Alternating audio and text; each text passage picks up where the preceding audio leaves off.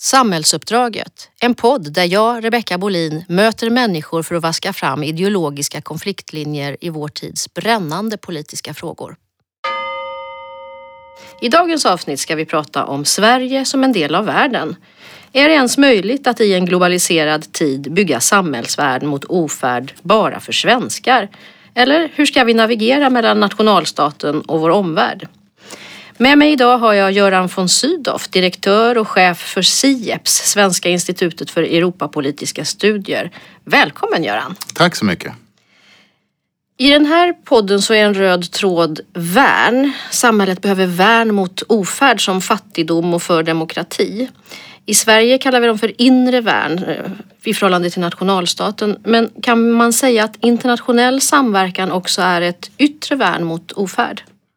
Ja, i den meningen att det är internationell samverkan när den lyckas att till exempel stävja konflikter. Vi kan ju komma ihåg att nationalstatens historia, som ju inte är, är vansinnigt lång egentligen i mänsklighetens historia, den är ju såklart kantad också av väldigt mycket konflikter mellan nationalstater. I syvende och sist krig. Så att internationella arrangemang som strävar efter att avvärja den typen av risker är ju typ då att betrakta som ett värn, alltså samarbeten. Men sen är det ju också och de konventioner som staterna liksom frivilligt går med på att man säger sig vilja leva efter.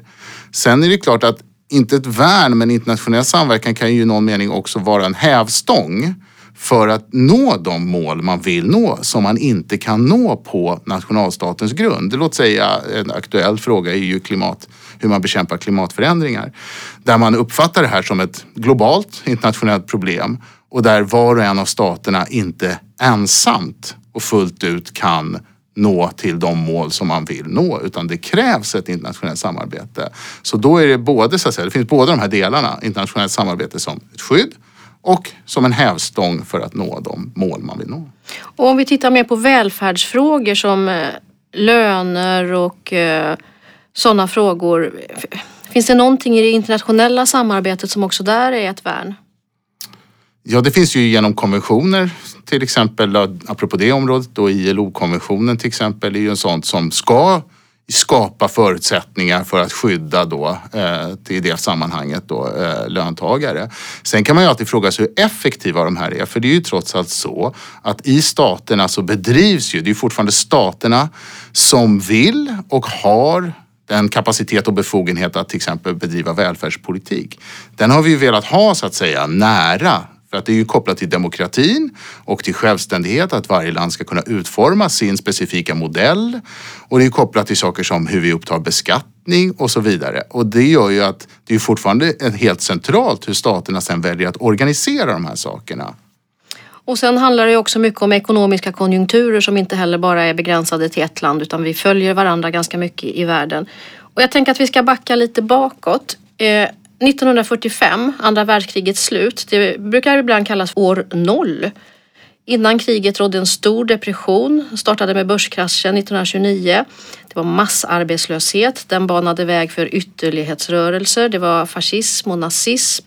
Det ledde inte minst till förintelsen. Så år noll, om vi ska kalla det så, fanns en insikt om att världen måste förhindra oreglerade marknader som leder fram till den här typen av kriser. Vilken roll skulle du säga att den insikten spelar idag för demokrati och samverkan mellan länder? Har vi den fortfarande i minnet?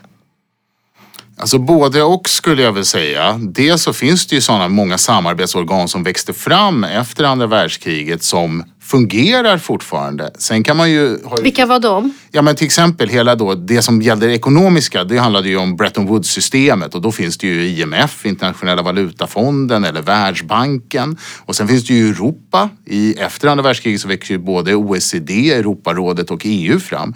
Som är, de, som är olika sammanslutningar på olika sätt för att hantera det här. Sen finns det ju en diskussion om vad är det för politiskt innehåll och vilken roll har de här institutionerna? Det har ju de senaste 20 åren varit en del kritik, inte minst mot Världsbanken och IMF, men även mot EU, att det man har gjort här är egentligen att skapa system för marknaden, inte att reglera det.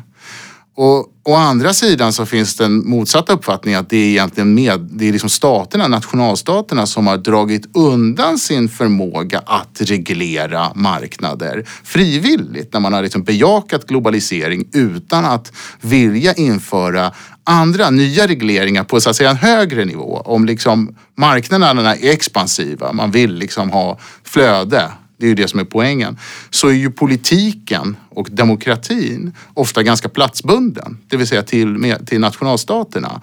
Och det där glappet, det blir ju ibland problematiskt då så att säga om någonting flyttar men det som, vad som, vad är det som blir kvar av demokratisk eh, kontroll?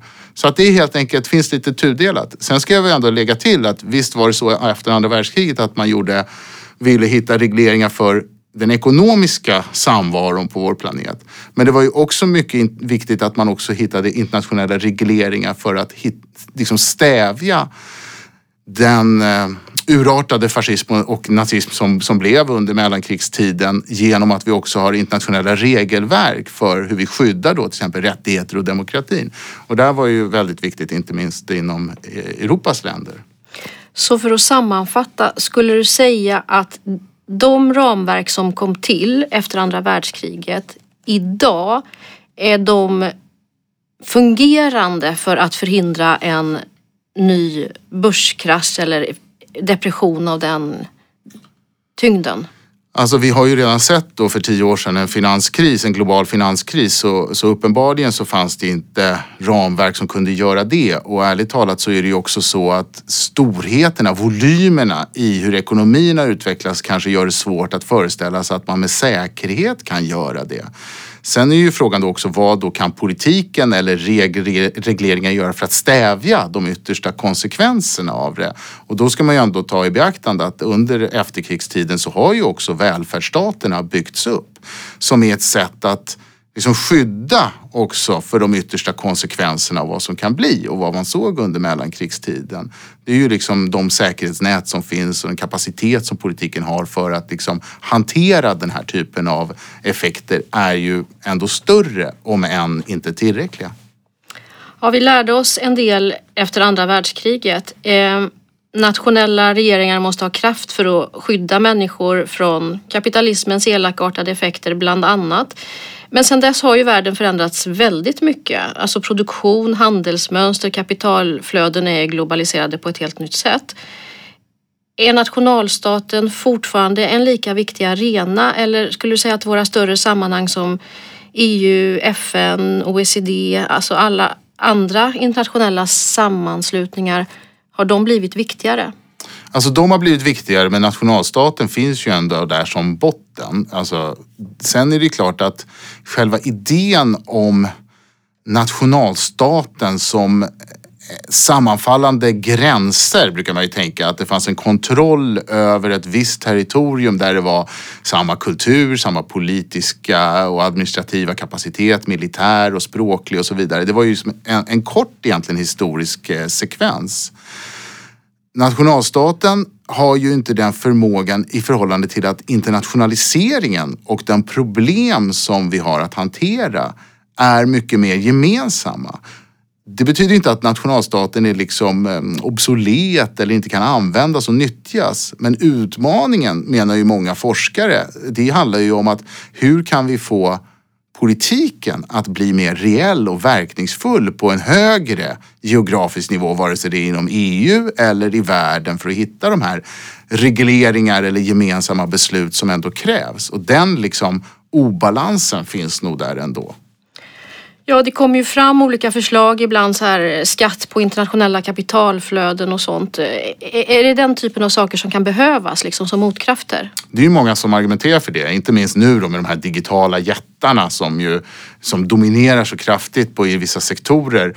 Som, Google, Amazon, ja, de. Precis. Ja. Och där förs ju stora diskussioner men det är väldigt svårt att komma fram för det är också så att man ska komma ihåg att nationalstaterna vill gärna bibehålla den makt och rätt att bestämma själva över vissa saker. Inte minst just beskattning har ju alltid varit väldigt intimt förknippat liksom, till idén om självständighet. Så att det här är ju ett arbete som nu då bland annat eh, pågår inom OECD. Men det är väldigt trögt att komma fram för att det är klart att här finns ju också konkurrensen mellan länder. Alltså olika länder ser att man kan tjäna olika mycket på till exempel förmånliga upplägg för de här stora företagen för att attrahera eh, investeringar. Och det är klart att då blir det väldigt svårt att hitta samarbetslösningar som kan fungera för alla. Dessutom finns det ju den här principiella frågan att om man börjar beskatta på en högre nivå, till exempel inom EU eller någon annanstans. Finns det inte då en risk att det här är ett liksom sluttande plan där det kommer bli mer och mer av sådana saker?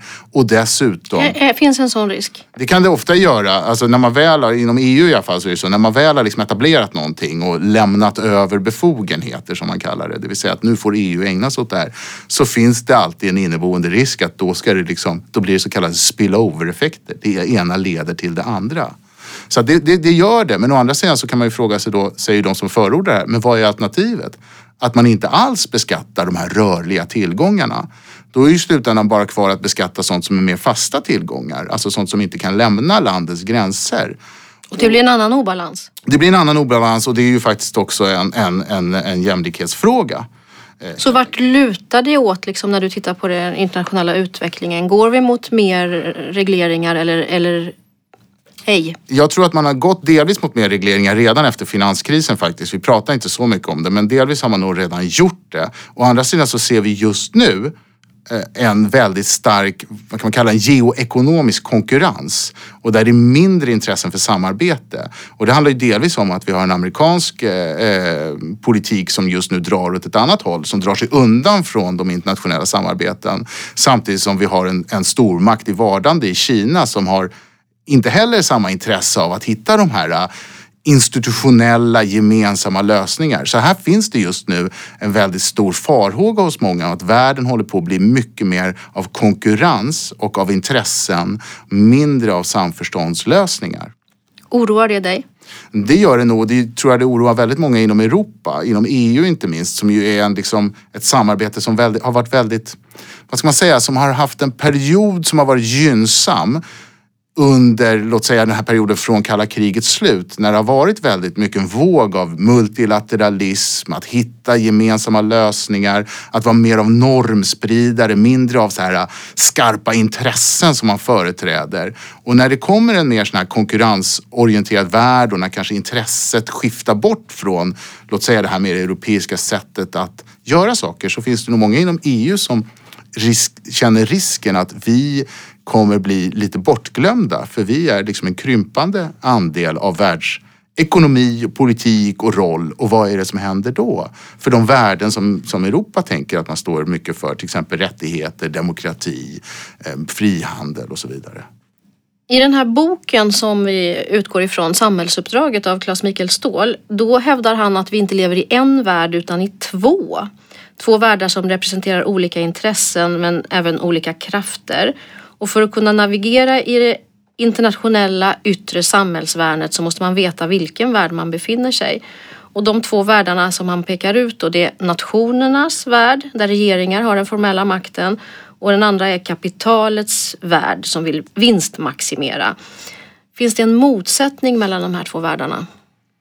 Ja, i någon mening gör det och ibland finns det ett samspel. Man kan ju tänka historiska referenser när de här två världarna samspelade väldigt mycket var ju under kolonialismen. När liksom en nationalstatslogik och en, en så att säga kapitalistisk logik gick hand i hand. Sen så kanske de då eh, enligt den här boken, Claes Mikael eh, Ståhls bild, så delas de här. Men samtidigt så är det väl min då uppfattning att det trots allt finns ju också en mellanvärld. Det är ju precis allt detta internationella samarbete som liksom strävar efter att minska den här spänningen i någon mening. Inte bara när det gäller den ekonomiska sidan men när det gäller även den politiska sidan. Men det är klart att det finns ju här, och jag var inne på det innan, det finns ju någonting lite en spänning mellan att just att demokratin tenderar att vara lokal och politiken tenderar att vara lokal. Men, men där makten kanske flyttar bort utanför ländernas gränser. Och då uppstår någon slags tomrum en, eh, en känd statsvetare som heter Peter Mayer, han skrev en bok för eh, nu snart tio år sedan där han beskriver, den heter Ruling the Void, att styra tomrummet. Som lite tar fasta på det här att ja, det som egentligen händer i vår värld, det har liksom rört sig bort ifrån vår demokratiska kontroll. Och det som blir kvar i de klassiska nationalstaterna, det blir en slags fasadspel, det vill säga vi har politiska konflikter. Det är här vi har ansvarsutkrävande. Det är här partier och idéer konkurrerar med varandra. Men vad är det man faktiskt styr över? Ja, det är liksom en minskande del enligt hans analys. Så där finns det ju lite av de här två världarna. Och utmaningen är ju det, hur, hur får man det här att, att, att rimma igen?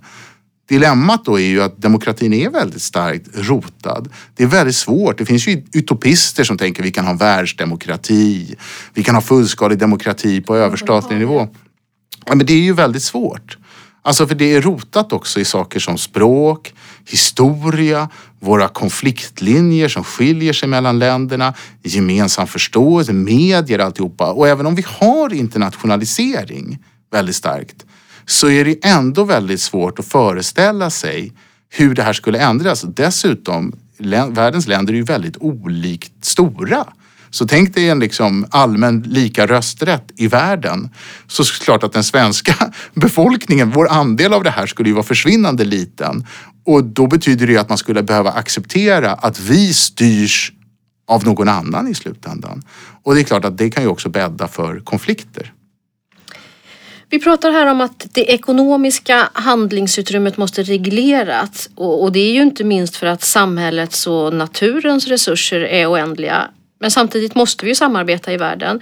Inget land förfogar över alla produktionsmedel som behövs i en avancerad ekonomi. Inget land kan vara ledande på alla områden.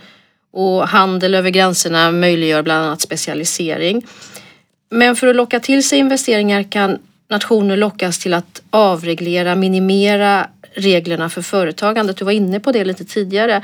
Låglöneländer kan locka till sig företag genom underbudskonkurrens. Vi har frihandelszoner som har vuxit fram, skatteparadis.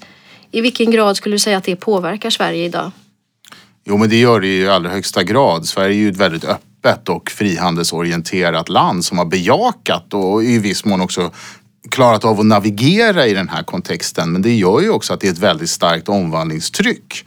När länder specialiserar sig eller när man söker då komparativa fördelar i, i liksom handelstermer så är det klart att det sker också en omflyttning av var någonstans produktion görs och det kan då utmana också såklart villkor och det ställer krav på länder, jag menar som ett land som Sverige då som inte längre har kanske den typen av eh, ekonomisk struktur som vi hade för länge sedan, för bara ett antal decennier sedan. Ja, men då handlar det ju om hur kan man fortsätta att ha ett fungerande välstånd och så vidare.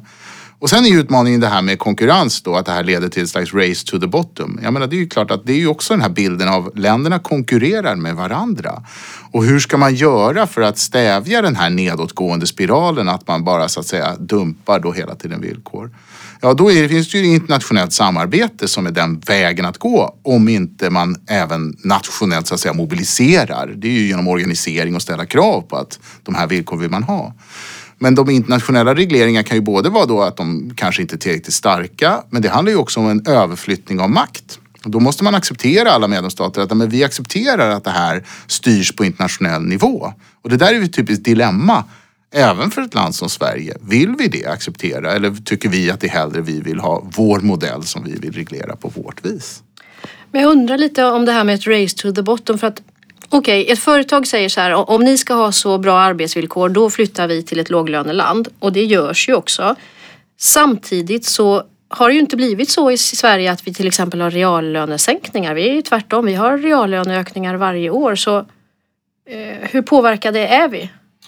Ja, jag tror att många menar väl att kanske inte så mycket på hittills åtminstone. Men utmaningen är ju då för ett sådant land att hela tiden hitta hur kan vi utveckla vår ekonomi så att vi har ett högt förädlingsvärde i den så att säga. Att vi då går om, vi, vi växlar om helt enkelt och gör nya saker istället. Så att det ställer ju väldigt höga krav på det då att man hela tiden förändrar eh, hur vi arbetar med vad och hur vi investerar och så vidare. Handelsavtal är ju ett sätt att eh, skapa regleringar. Eh, hantera liksom motsättningen mellan kapital och nationer. Det finns ju också en utbredd kritik mot en rad handelsavtal. Vi ska inte gå in på det i detalj tänker jag men på ett översiktligt plan, den här kritiken som har handlat om att handelsavtalen tenderar att sätta marknadens fria rörlighet först, före sånt som fackliga rättigheter och klimat och att företag i förlängningen ges större makt än nationalstater. Du som analyserar den typen av frågor rent objektivt, ser du att det ligger något i den kritiken? Ja, men den finns ju där och den har ju funnits väldigt mycket en sån kritik då och att man vad ska säga, de här syftar till att öppna upp och skapa marknader egentligen. Och där är väl utmaningen då för, för liksom så att säga, mot, mot, motkraften är ju att visa vad är det man vill ha istället. Jag skulle ändå säga att ett led om man ser på de moderna handelsavtal som nu förhandlas, de är ju liksom bredare. De liksom tar in fler frågor och ställer lite mer, har den här typen av villkor då om det här. Det kan vara klimatmässigt eller social, social sammanhållning eller andra saker. Men då kommer den motsatta kritiken också att då gör man ju genom handelsavtal, reglerar man kanske för mycket av sånt som är lokala förutsättningar. Så att det finns en slags dubbelhet här. Så, så vad är din bedömning? Eh, bredare eller smalare? Ja, den tendensen som finns är ju att de blir bredare. De liksom fångar in, man lägger in fler saker i de De, blir mer styr, de har mer styrinstrument i sig kan man säga. Men det sker ju lite på bekostnad också av det som är då den lokala, alltså den nationella demokratin. För att då har vi ju liksom bestämt oss för att det är på internationell nivå som vi reglerar ganska många saker. Och det där balansen får man också fundera på. Så att kan man säga att här, kritikerna av frihandelsavtalen har också en, måste också ställa sig frågan, ja men ska vi då lägga in mer villkor? Ska vi liksom höja nivåerna genom avtal, till exempel skydd för arbetstagare och med mera, med mera, miljömässiga hänsyn? Eller vill man helt enkelt inte ha Men måste man inte det för att inte få ett race to the bottom? Ja, det är nog många som menar det, att man behöver göra det. Men å andra sidan så är det samma sak där. Då menar många att du kan aldrig nå ändå till den nivån för det är så himla olikt i världen. Att få liksom avtal som fungerar på ett bra sätt för att stävja race to the bottom i ett land som Sverige, enormt välmående och samtidigt få det att rimma väl med förutsättningarna i Vietnam så är det väldigt svårt att hitta en sån fungerande reglering. Men det här är lite utanför vad jag vad jag själv sysslar med dagligen. Så jag vill inte, vill inte säga något skarpare än så egentligen. Eh, för en demokratisk socialist så måste politiken vara överordnad ekonomin i vad vi kallar för blandekonomin. Där både marknad och stat har roller att spela. Det är inte minst en viktig lärdom från år noll som vi var inne på. Eh, om man ska sammanfatta, är politiken överordnad ekonomin? Det är en svår fråga. Alltså ekonomin har en otrolig kraft i sig. Den globaliserade ekonomin har en otrolig kraft och styrka i sig. Samtidigt är det klart att politik handlar om mer saker än så. Och till syvende och sist så kan politiken fatta andra beslut. Men det handlar ju om en avvägning. Vilka konsekvenser får det? Politiken handlar ju om att hantera målkonflikter. Så att det är klart att ett enskilt land kan fatta beslut som inte är i linje med den övergripande ekonomiska utvecklingen i världen. Men det får konsekvenser i sådana fall. Nu när vi sitter och pratar här så är det coronatid och arbetslösheten stiger, ekonomin dyker, vi kan vara på väg in i en depression. Hur oroad är du att vi kan vara på väg mot något liknande som 30-talet? Jag tycker att det är svårbedömt. Det är ett väldigt eh, besynnerligt läge som har inträffat genom den här pandemin och vi sitter ju i den. Vi vet inte hur långvarig den är. Jag tycker att det finns tendenser till att demokratins ställning är utmanad på många platser. Eh, framförallt utanför Europa men även inom Europa. Och eh, en stor, liksom enorm ekonomisk depression och nedgång skulle, få, skulle, skulle ytterligare utmana det. Samtidigt ska ju sägas att efterkrigstiden, sen då detta år noll, har ändå demokrati och marknadsekonomi levt i sin samexistens och klarat av ett stort antal kriser.